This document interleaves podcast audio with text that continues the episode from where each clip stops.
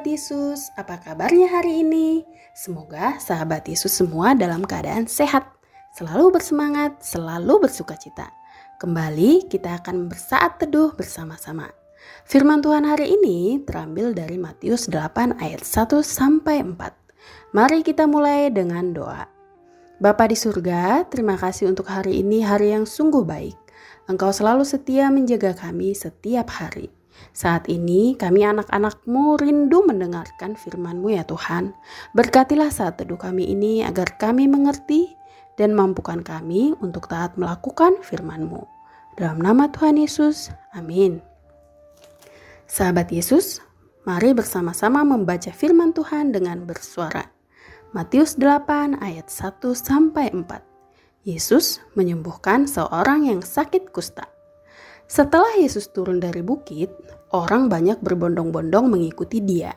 Maka datanglah seorang yang sakit kusta kepadanya, lalu sujud menyembah dia dan berkata, "Tuan, jika Tuhan mau, Tuhan dapat mentahirkan aku."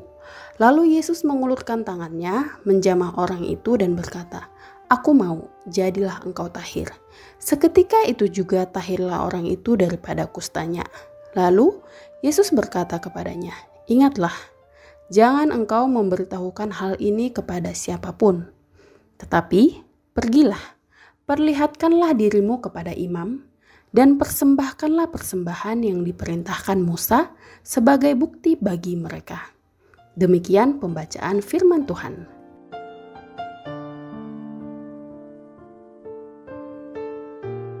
Dari pembacaan firman Tuhan hari ini, kita tahu bahwa Yesus menyembuhkan seorang yang sakit kusta.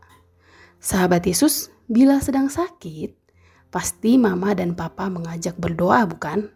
Kemudian, kalau flu atau pilek, biasanya mama dan papa akan memberikan obat ringan yang dibeli tanpa resep dokter di apotik.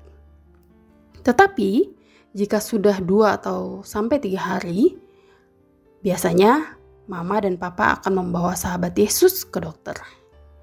Menjadi seorang dokter adalah pekerjaan yang sungguh mulia. Dokter banyak membantu orang sakit menjadi sembuh, apalagi di masa virus corona seperti sekarang ini ya. Ayo, siapa nih sahabat Yesus yang bercita-cita menjadi dokter? Sekarang sahabat Yesus masih SD.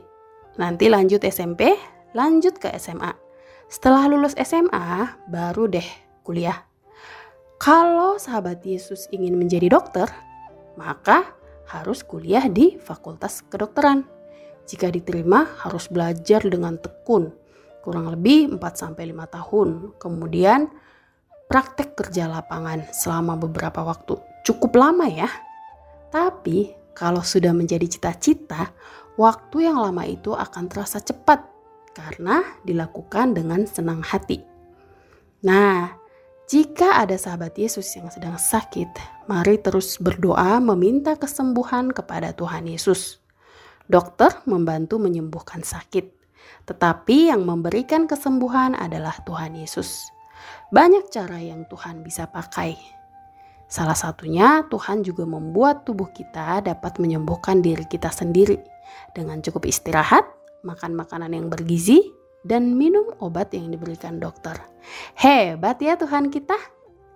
Sahabat Yesus, mari kita mengatakan, Tuhan penyembuhku, dokter membantu kesembuhanku. Sekali lagi, Tuhan penyembuhku, dokter membantu kesembuhanku. Mari kita berdoa. Bapa di surga, terima kasih Engkau selalu memelihara kami dengan baik. Terima kasih atas anugerahmu memberikan kami kesehatan dan juga memberikan kami kesembuhan ketika kami sakit. Bapa, tolonglah para dokter di seluruh dunia ini yang menjadi alat di tangan Tuhan untuk membantu menyembuhkan para pasien. Tolonglah juga para perawat, asisten dokter yang menjaga setiap pasien, dan berkatilah obat-obatan serta makanan, minuman yang masuk ke tubuh pasien untuk membantu kesembuhan. Dalam nama Tuhan Yesus, amin. Sampai jumpa pada saat teduh berikutnya. God bless you.